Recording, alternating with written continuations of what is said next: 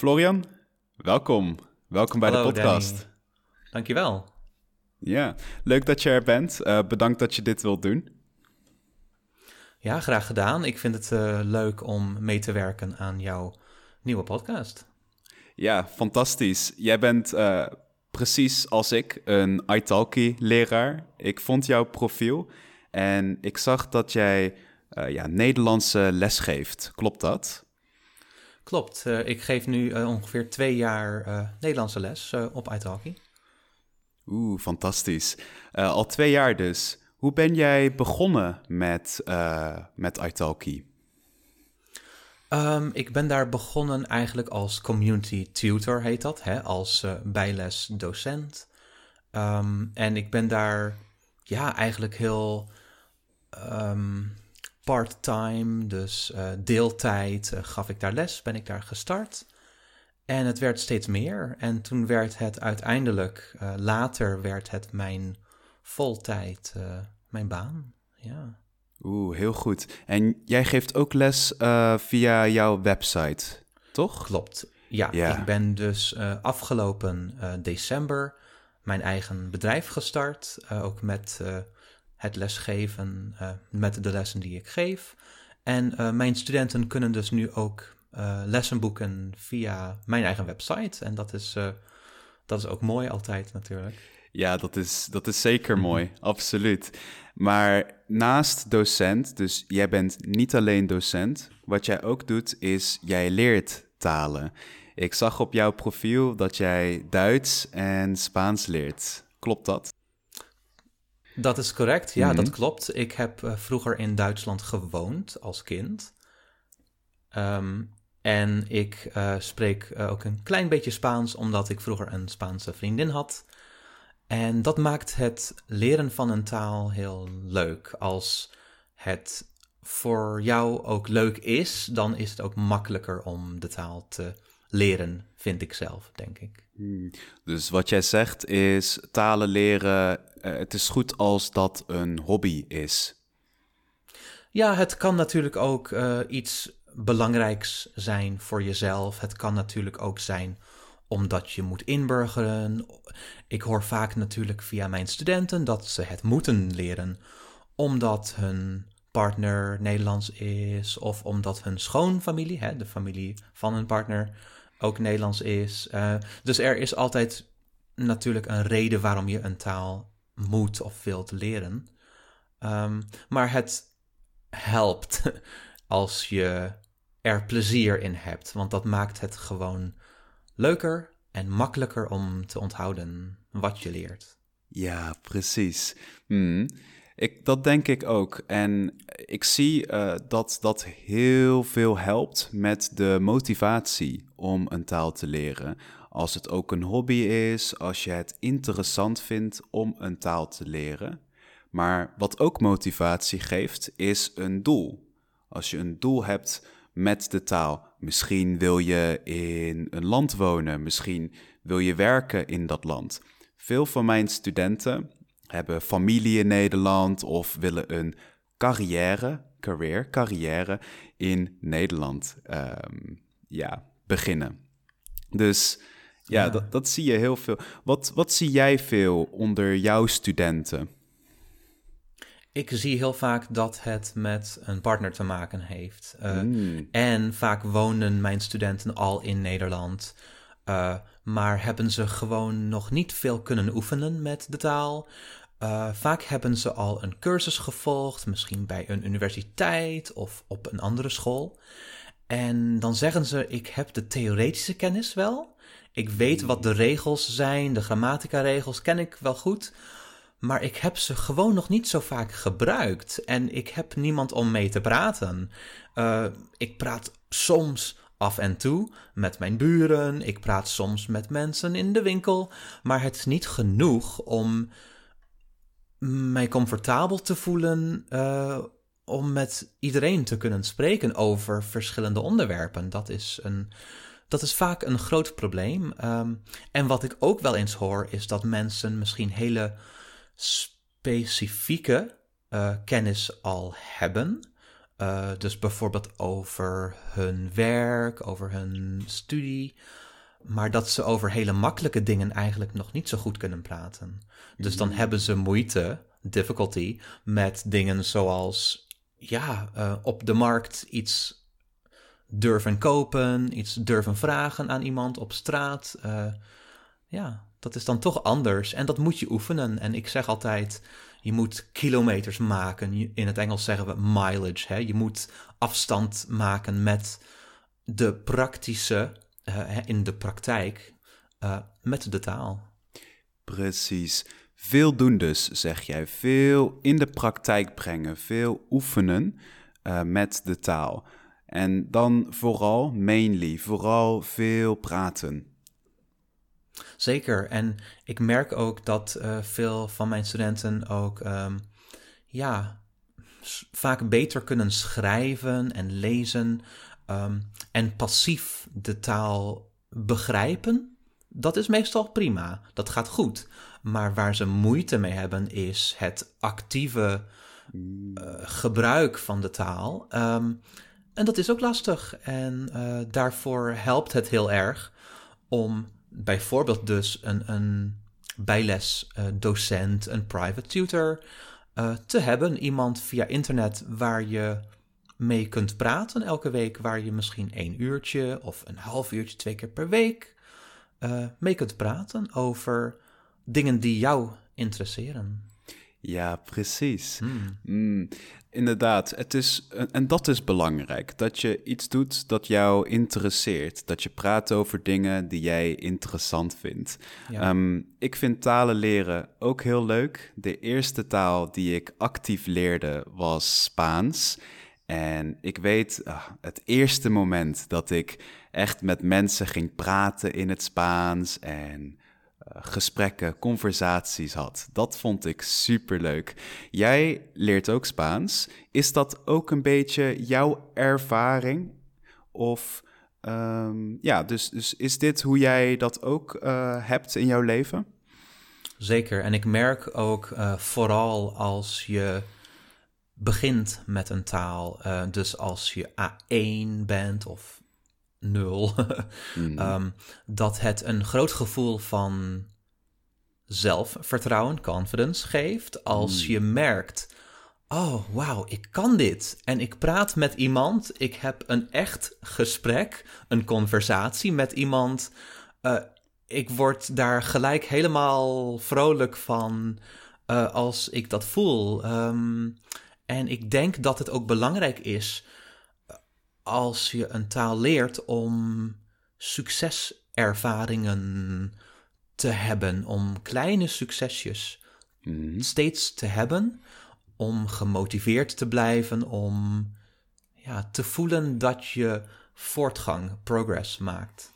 Juist, um, en, en dat, is, dat is een hele grote uitdaging, denk ik. Challenge, een hele grote uitdaging voor studenten. Zij zien uh, een doel, zij willen goed praten in, in het Nederlands. Hè? Um, maar dat is, dat is dan het doel. Maar dat kost veel tijd. Je moet heel veel doen ja. om dat te kunnen. En dat duurt lang. En veel studenten verliezen een beetje de motivatie, uh, ja. omdat dit proces zo lang is. Um, en het is goed om het proces leuk te vinden, om het proces interessant te vinden. hey, ik kan nu dit zeggen, ik kan nu dat zeggen. Ah, fantastisch. En ja, dat is heel mooi gezegd van jou. En ik denk ook, um, uh, je moet niet vergeten dat in sommige klassen uh, dat er twintig studenten zijn of meer. En dat er gewoon weinig individuele aandacht is uh, van de docent. Um, dus dan merk, dan merken de studenten, dan merk je dat het toch moeilijk is om veel te kunnen oefenen, vooral in het begin. En dan is het, zoals je zegt, heel, um, heel belangrijk om uh, iemand te hebben uh, um, waarmee het proces leuk wordt en waarmee je inderdaad voor niet al te veel geld best wel veel kunt oefenen. Dus ik denk dat dat heel, uh, ja, heel belangrijk is. Ja. Ja, dat denk ik ook. Uh, deze één op één relatie uh, die je hebt met een leraar. Um, maar dat is, ook, dat is ook een beetje nieuw, toch? Ik bedoel, ja, het bestaat al lang, we hebben het al lang. Um, maar nu zien we met het internet dat mensen dit veel meer doen. Zeker, en ik denk ook na de, de pandemie uh, is dat nog um, meer in de, ja, in de aandacht, in de spotlight gekomen. Dat mensen nu veel vaker van thuis werken, ook veel meer eh, weten dat het mogelijk is om, oh, ik kan als ik wil uh, gewoon iemand vinden op internet waar ik eigenlijk heel laagdrempelig, low barrier to entry, uh, dat ik een laagdrempelig gesprek kan voeren met iemand um, in een andere taal. En het hoeft niet veel geld te kosten. En het is ook tegenwoordig best wel heel erg makkelijk om ja, contact uh, te maken met, met iemand op internet. En uh, ik denk wel dat je goed moet filteren natuurlijk. En ik denk ook dat het belangrijk is dat je een docent vindt die bij jou past en die jou begrijpt. Mm. En ik hoor ook um, klachten over dat de docent vooral niet gemotiveerd genoeg is, uh, te weinig tijd beschikbaar heeft, available.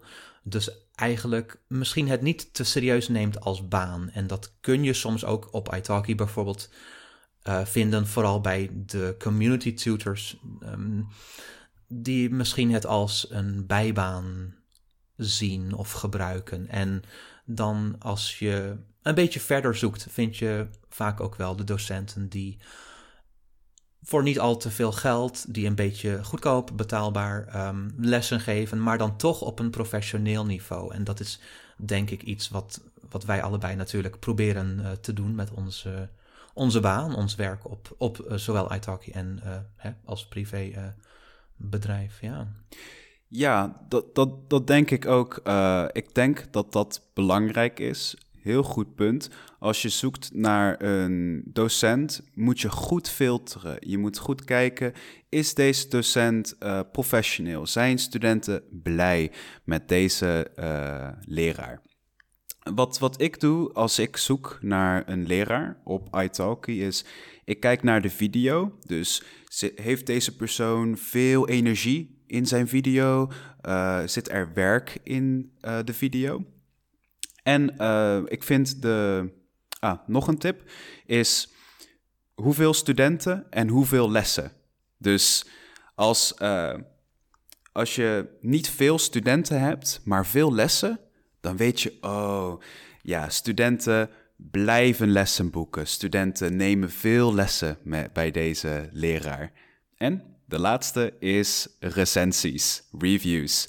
Als ze er lange, uh, goede uh, recensies zijn, dan is het ook een goede leraar, denk ik.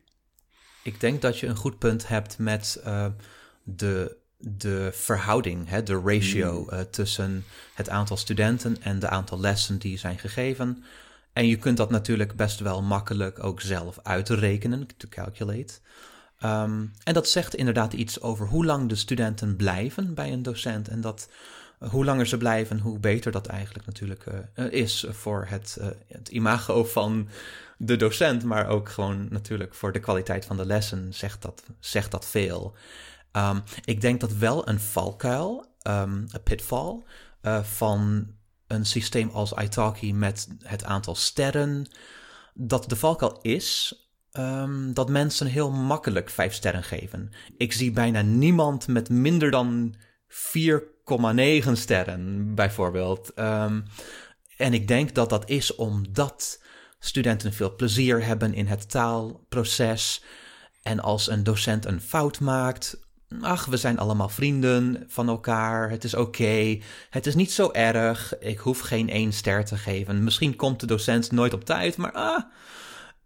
Uh, weet je, dus dat is een beetje, um, een beetje jammer soms. Omdat je natuurlijk best wel ook um, goed wilt kunnen filteren op docenten die echt minder goed, uh, uh, goede kwaliteit lessen uh, leveren.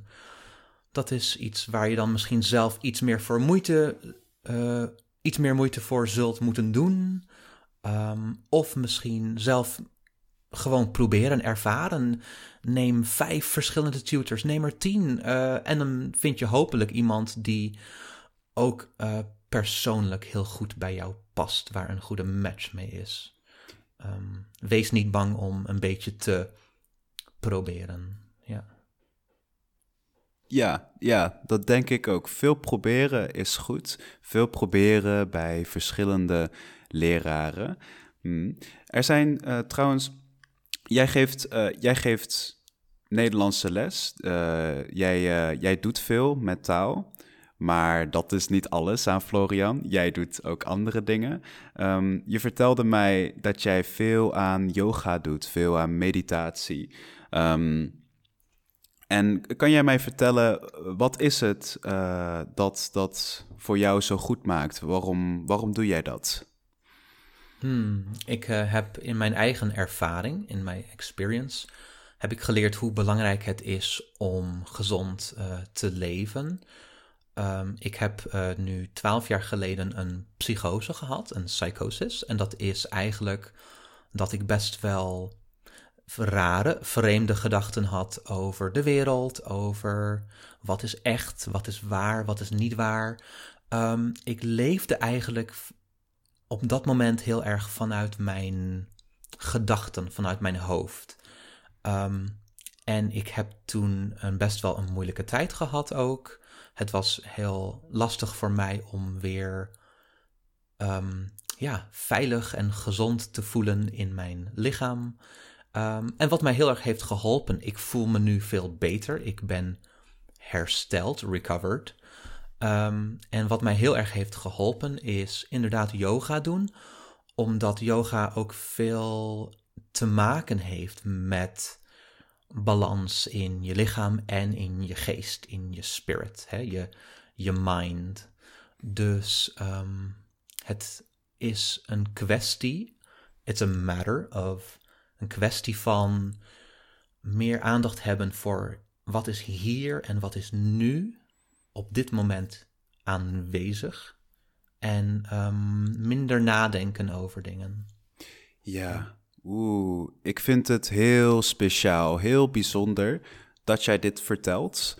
Um, een psychose, dat moet een hele intense ervaring zijn geweest. Dat moet een hele moeilijke tijd voor jou zijn geweest.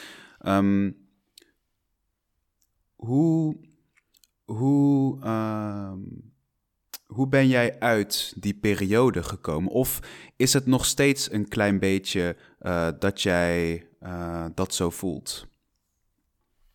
Nee, eigenlijk uh, voel ik mij nu weer heel stabiel en weer heel, ja, het is een raar om te zeggen, maar heel normaal. Um, ik heb natuurlijk in die periodes veel um, ervaren, veel meegemaakt. Um, maar ik denk wel dat het me, ja, dat het me ook veel heeft, heeft gebracht. Het heeft mij veel opgeleverd. Dus niet alleen negatief, maar uiteindelijk, in the end, ben ik wel heel gelukkig, heel stabiel weer uh, hier in het leven en uh, gaat het goed met me? Ja. Hmm. Dus ik, ik ben blij hoe het nu gaat. Uh, ja. Ik vind het heel mooi dat jij dit deelt. er zijn veel mensen die, um, die problemen hebben in het leven. Er zijn andere mensen die door een psychose gaan. Um, en ik vind het sterk, ik vind het dapper dat jij dit zo deelt. Wat, uh, welk advies, welke tips kan jij geven aan mensen die dit nu zo ervaren? Hmm. Nou, um, welk advies ik kan geven voor mensen uh, die ja, psychische problemen hebben of die zich niet goed voelen in het leven. Allereerst praat erover. Um, ik heb ook veel problemen gehad uh, tijdens, during mijn herstel. Uh, en ik deed heel veel alleen. Ik durfde niet zo vaak tegen mensen te zeggen dat het niet goed met me ging. eh, ik wilde niet dat andere mensen zich zorgen gingen maken. Uh, maar het is wel heel belangrijk om open te zijn. En daarom ben ik ook zo open over deze dingen. Want ik weet hoe belangrijk het is om, ja, om te vertellen als je een probleem hebt. Want dat, dat geeft um, opluchting, relief. Dat, is een, dat zorgt voor, ik kan het kwijt. Ik kan iemand vertellen wat er aan de hand, what's going on, is. Hmm. En dat is heel waardevol. Dat is, uh, ja, dat is heel belangrijk. En daar zijn um, plekken voor. Daar zijn locaties waar je ook heen kunt gaan. Bijvoorbeeld um, waar ik woon hebben wij een organisatie. Dat is ook in heel Nederland. En dat heet Ixta Noah. Ik uh, kan je de link uh, straks geven. En dan kun je daar naartoe om met mensen te praten die ook weten hoe het is om een depressie te hebben, om een psychose te hebben. Um, en dan kun je met iemand gratis praten, een kopje thee drinken. En um, wij hebben een mooie uitdrukking in het Nederlands: je kunt je ei kwijt. You can release your. je kunt het loslaten. Release your egg. ja, release your egg. Je kunt je hmm. problemen loslaten. Precies. Ja. Mm. ja, ik denk um, je ei kwijt kunnen. Misschien dat je kan vertellen wat op je hart ligt, wat er in je hoofd Luchten. zit. Luchten, precies. Mm. Ja, want in het Nederlands zeggen wij ook opkroppen. Opkroppen, um, dat betekent dat je het in je hoofd houdt, dat je het voor jezelf houdt en, het, en niet jouw problemen deelt. Um, ja. Ja, en het is goed om juist niet op te kroppen. Het is goed om je problemen te delen en kwetsbaar, vulnerable, kwetsbaar uh, te zijn soms. Ja, ik zou zeggen, opkroppen is misschien uh, hetzelfde als stowing away. Je wilt het mm. niet voelen, je, wilt, je bewaart het en het wordt eigenlijk alleen maar groter en de druk, de pressure wordt alleen maar hoger. Ja, precies. Ja. ja. En verder um, zou ik ook als tip geven: ja, het is makkelijker gezegd dan gedaan. Um, denk niet te veel na over um, ja, de toekomst of het verleden. Probeer meer aanwezig, present te zijn in het nu. Um, ik doe zelf bijvoorbeeld ook veel aan mindfulness, aan um, meditatie, gewoon om even, ja, in weer het hetzelfde woord in het nu te zijn en uh, het hoofd te luchten. Ja. ja. Hm. Ik vind het uh, heel mooi en sterk dat jij uh, deze dingen doet om goed voor jouw lichaam en geest te zorgen. Zeker na zo'n moeilijke periode. Dus mijn complimenten daarvoor. ik vind, dat, ik vind dat heel mooi. Dankjewel. En ik hoop ook dat uh, um, de luisteraars daar ook wat aan hebben en dat ze ook ja, mm, beseffen hoe belangrijk het is om deze dingen te doen, goed voor je lichaam te zorgen en goed te, te voelen wat er in jouzelf, in jouw geest, in je lichaam uh, is. Ik heb ook heel lang bepaalde certain emoties niet gevoeld. Ik had veel verdriet en angst en, en ik kropte het op.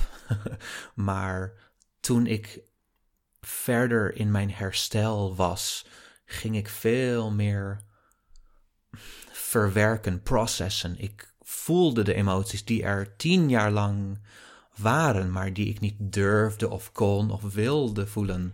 En dat was een grote stap vooruit, omdat ik ook nogmaals veel kon loslaten. Ja. Hmm. Um, dus, dus ik zeg wel, hè, uh, probeer niet over het verleden na te denken of de toekomst, maar het is natuurlijk wel belangrijk om als je iets voelt, dan mag je jezelf toestemming, permission geven om het gewoon te voelen. En als je moet huilen, ga huilen. Dat is belangrijk, vind ik. Ja, ik vind dat, dat mannen daar ook veel meer voor open moeten kunnen zijn. Dat is ouderwets, mannen huilen niet. Natuurlijk, we hebben ook emoties. We zijn niet robots. Hmm. Eh, hè, dus uh, laat alle kanten van jouzelf zijn zoals ze zijn. Hmm. Ja, precies. Dat, dat oude macho-idee, uh, mannen huilen niet. Dat, het, heeft met, het heeft met acceptatie te maken. Accepteer hmm. Hoe dingen nu zijn en geef het een plek. Hè, ehm, bewaar het ergens in jezelf dat het een, een deel van jouw verleden, van jouw geschiedenis, je history is, maar dat het niet meer een groot probleem hoeft te zijn voor hoe het nu met je gaat. Mhm. Ja, heel mooi. Het, uh, ik zie uh, dat de podcast nu al best lang wordt, want het gesprek is heel interessant. Ik wil jou 100% uitnodigen voor nog een keer, als jij dat wilt. Zeker, dat lijkt me heel, uh, heel mooi. Ah, fantastisch. Florian, hartstikke bedankt voor ja, het meedoen, het participeren. En ja, ik, super, bedankt. Graag gedaan en bedankt voor de uitnodiging en tot de volgende keer. Graag gedaan. Tot de volgende. Doei doei. Doei.